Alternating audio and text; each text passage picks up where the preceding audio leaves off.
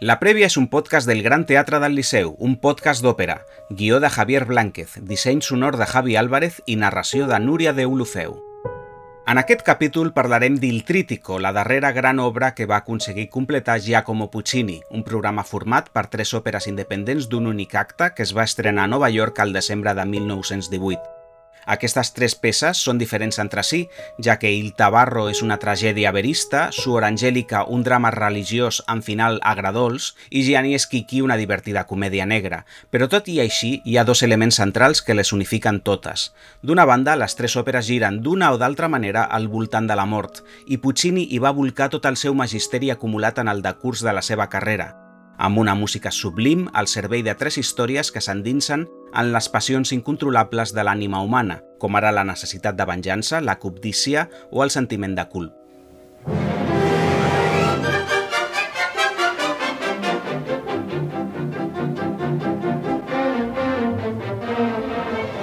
Aquestes 10 funcions que ara arriben al Liceu són excepcionals, ja que serà la segona vegada en tota la història del teatre en què el tríptico es representi al complet de manera escenificada. Hi ha molts motius que expliquen la irregularitat amb què s'interpreta el tríptico. El primer és que estem davant d'un projecte ambiciós que exigeix grans esforços de producció, com ara plantejar tres escenografies diferenciades i aplegar tres elencs de primer nivell. Però també cal tenir en compte la seva llarga durada, que ens porta a un tipus de batllades extenses a l'estil wagnerià. En qualsevol cas, és possible sortejar totes aquestes dificultats amb una posada en escena intel·ligent, com la que proposa la directora holandesa Lotte de Beer, i amb un cast de primer nivell com el que s'ha reunit per aquest projecte, amb algunes de les millors veus líriques de l'actualitat. La soprano albanesa Hermonella Yahó serà qui canti el paper principal de Suor Angélica, acompanyada per la mítica mezzo Daniela Barcelona, el paper antagonista de la princesa. Els tres rols centrals d'Il Tabarro, Georgetta, Luigi i Michele, els cantaran la soprano Lise Davidsen, el tenor Brandon Jovanovic i el baix Ambrogio Maestri. Maestri, a més, repetirà en el rol principal de Janis Kiki i també ho farà Daniela Barcelona, que tindrà el petit paper de Zita. Les dues veus líriques d'aquesta tercera òpera, les de Laureta i Rinuccio, les cantaran la soprano Ruth Iniesta i el tenor Ivana Ion Ribas. De la direcció musical s'encarregarà la finlandesa Susanna Malki.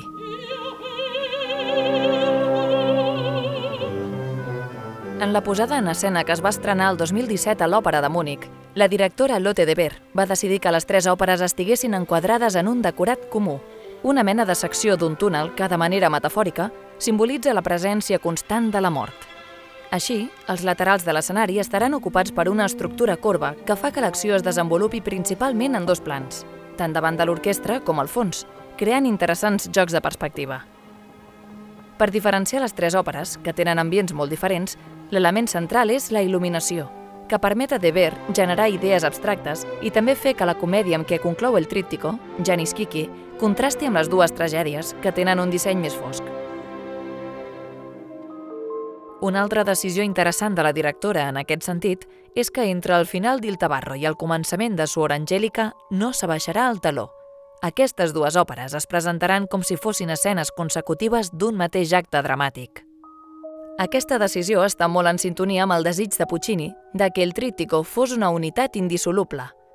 Per al compositor, aquest projecte no era una suma d'òperes independents que es poguessin separar a conveniència dels teatres, sinó una experiència de gran transcendència, que només tenia sentit si els tres títols anaven units i en l'ordre indicat.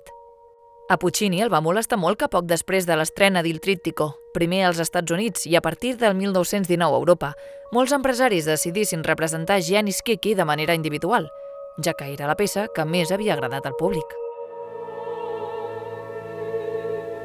De la mateixa manera, també Il Tabarro i Suor Angélica han tingut vides independents.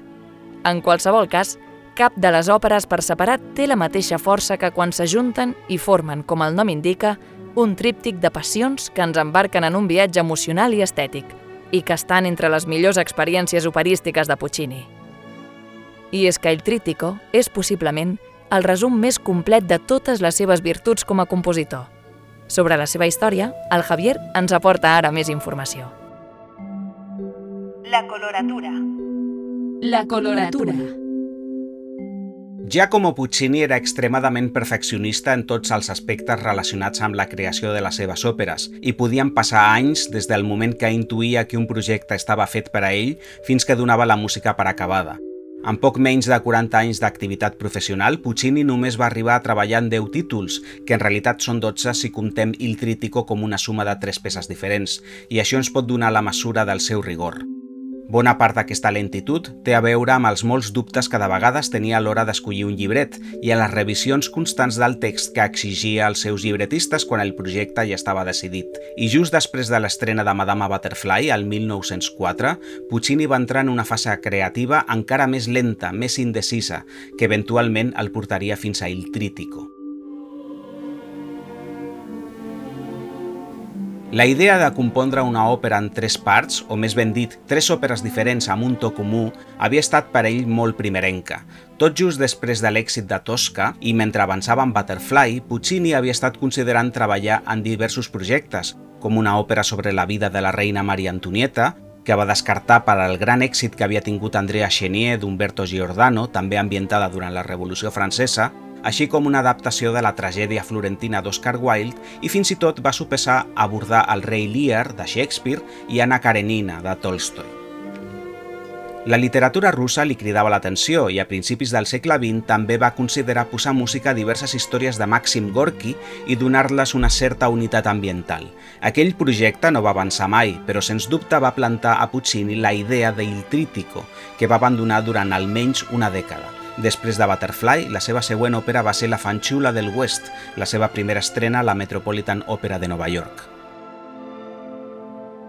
Mentre examinava obres i llibrets, al 1912 Puccini es va quedar enamorat d'una obra de teatre francesa escrita per Didier Gold, La Upelant, una història de gelosia, tensió i assassinat a la vora del riu Sena que en molt poc temps es va convertir en l'òpera breu Il Tabarro, que podria traduir-se com La Gabardina o La Bric.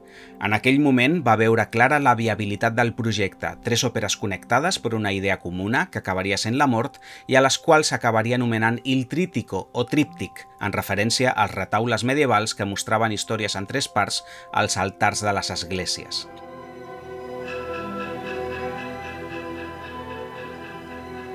Mentrestant, Puccini va haver de compondre la música per a una òpera còmica encarregada per uns empresaris austríacs, la Rondine, i això va endarrerir el projecte d'Il Trítico.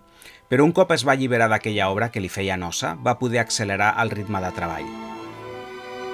Per a les dues següents òperes, Puccini va comptar amb la col·laboració del llobre llibretista Giovacchino Forzano, que va escriure els textos de Suor Angelica i Gianni Schicchi per complementar el treball previ que havia fet Giuseppe Adami amb els versos d'Il Tabarro. El tema de Suor Angelica el va treure immediatament, ja que era una heroïna fràgil i suïcida en la línia de Tosca o Butterfly, i a més li permetia compondre música religiosa, com quan era un jove estudiant. La història de Gianni Schicchi, ambientada a la Florència del segle XIII, provenia d'un personatge real que apareix citat a l'infern de Dante com un exemple d'estafador. En dos anys, tot i el trítico estava acabat. A Puccini li hauria agradat estrenar-lo a Itàlia, però els teatres d'òpera estaven sota mínims al 1918 a causa de la prolongació de la Primera Guerra Mundial, que havia retallat els pressupostos i limitat el nombre de cantants disponibles. Així que l'única opció que va tenir va ser oferir l'obra al Met de Nova York que el va estrenar al desembre de 1918 amb gran èxit, sobretot per a Gianni Schicchi. Aquest desequilibri ràpidament va sentenciar el destí d'Il Trítico. Puccini desitjava que les tres òperes es representessin juntes, però molts teatres van començar a separar-les i a unir-les amb peces d'altres compositors. Des de llavors, la unió de les tres parts en una sola vetllada és un esdeveniment poc freqüent. Tenir l'oportunitat de fer-ho ara no només és un plaer, ja que estem davant de part del millor material de Puccini, sinó un gest que honora la memòria del maestra.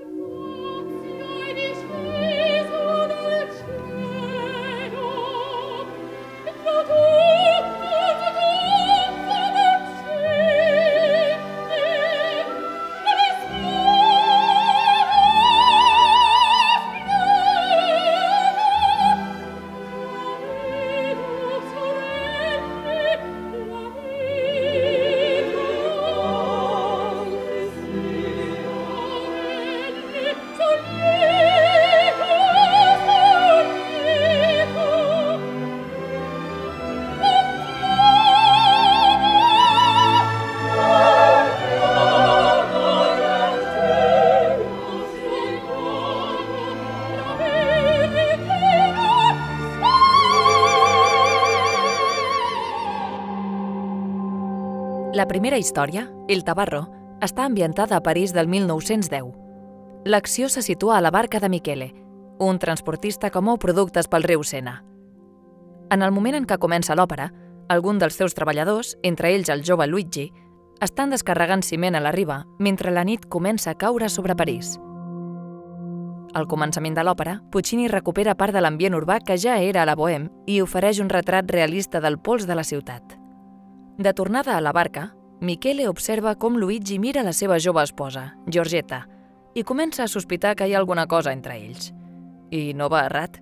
A Giorgetta la treu Luigi i en un moment en què es queden tots sols, creient que Michele no s'assabenta de res, proposa citar-se amb Luigi a la barca a una hora avançada de la nit perquè el jove sàpiga quan és el moment segur i adequat, ella engegarà un llumí. Tot i això, Michele els escolta i pateix. Recorda quan ell i Georgetta eren més joves, l'amor que sentien i la pèrdua del fill que van tenir, mort quan era molt petit i el qual protegien del fred embolicant-lo en un abric. Aleshores Michele encén un llumí per fumar la seva pipa i Luigi, que s'ha equivocat amb el senyal, s'acosta al vaixell. Els dos homes s'enfronten, Michele obliga Luigi a confessar la seva infidelitat i l'estrangula. Tot seguit, l'embolica en un abric. Quan Giorgetta arriba, Michele obliga la dona a mirar el cadàver i la llança contra el cos del seu amant mort.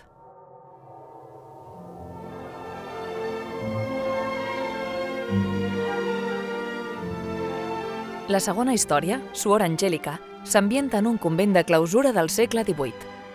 La germana Angèlica és una dona silenciosa que fa set anys que està amb les monges i que ajuda en les tasques de l'hort i prepara medicines. Tot i les seves reserves, a poc a poc anem coneixent la seva història. El seu origen és noble, però va cometre la imprudència molt jove de quedar-se embarassada fora del matrimoni i quan va néixer el seu fill, la seva família se'l va rebassar i per vergonya dels seus actes la van destinar al convent. No ha tornat a tenir mai notícies ni del seu fill ni de la família està completament consumida per la tristesa. Fins que un dia rep la visita de la princesa, la seva tieta i tutora, i li porta notícies.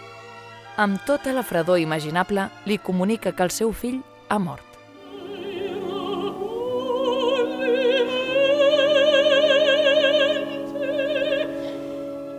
A la nit, Angèlica ja no troba cap motiu per viure i decideix preparar-se un verí amb les herbes que té al seu abast.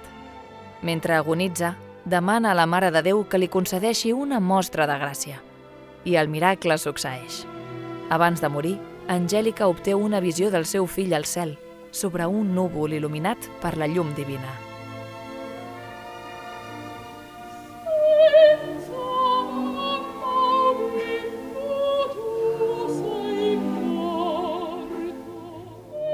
Finalment, Janis Kiki està ambientada a la Florència de Dante, a finals del segle XIII. L'acció se situa a la casa de Buoso Donati, un ric mercader que acaba de morir. Tota la seva família reuneix amb una intenció, trobar el testament i modificar-lo, ja que els ha arribat la remor que el vell ha donat totes les seves riqueses a un convent. Quan troben el testament, comproven que les seves sospites eren certes i busquen ajuda. L'única persona que pot donar-los una solució al problema és Janis Kiki, la filla del qual, Lauretta, està enamorada de Rinuccio, un dels nebots de Buoso. Lauretta no vol perdre la part considerable del dot que li correspondria si el testament de Buoso falla a favor de la família. Així que Skiki troba una solució. Com ningú sap encara que Buoso ha mort, planeja ordir una farsa on algú es faria passar per ell, citaria un notari i canviaria el testament. L'home de més edat és Gianni, així que es presta voluntari per fingir que és Buoso, mentre els parents han de guardar el secret. Quan arriba el notari, Skiki canvia els termes del testament però amb una sorpresa – L'únic beneficiari serà ell, que es queda amb tota la fortuna de Bosso, inclosa casa seva. Skiki expulsa tots els parents menys la seva filla Laureta i Rinuccio, que podran viure feliçment sota el sostre.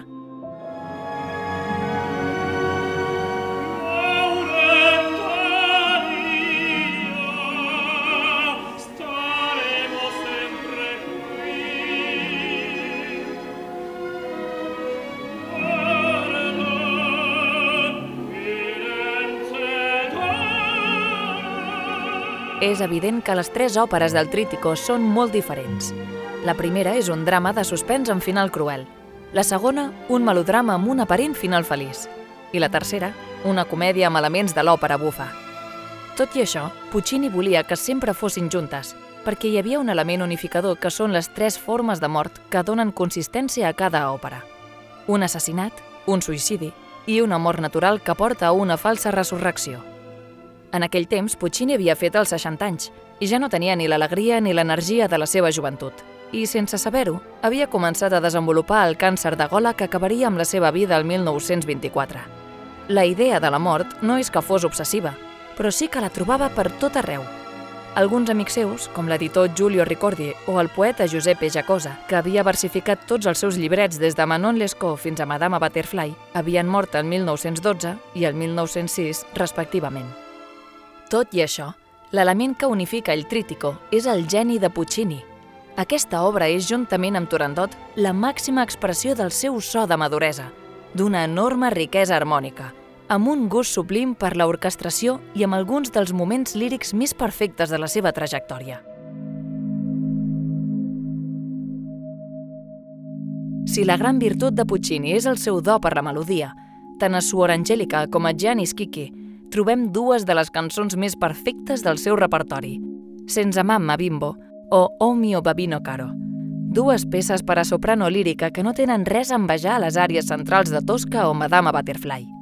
Després de concloure el trítico, Puccini va tornar a trobar una història obsessiva i aleshores va començar l'aventura inconclusa de Turandot. Turandot és segurament el cim de Puccini, però abans d'arribar a aquesta perfecció, el primer assaig del llenguatge de maduresa el va completar amb èxit en aquest tríptic magistral.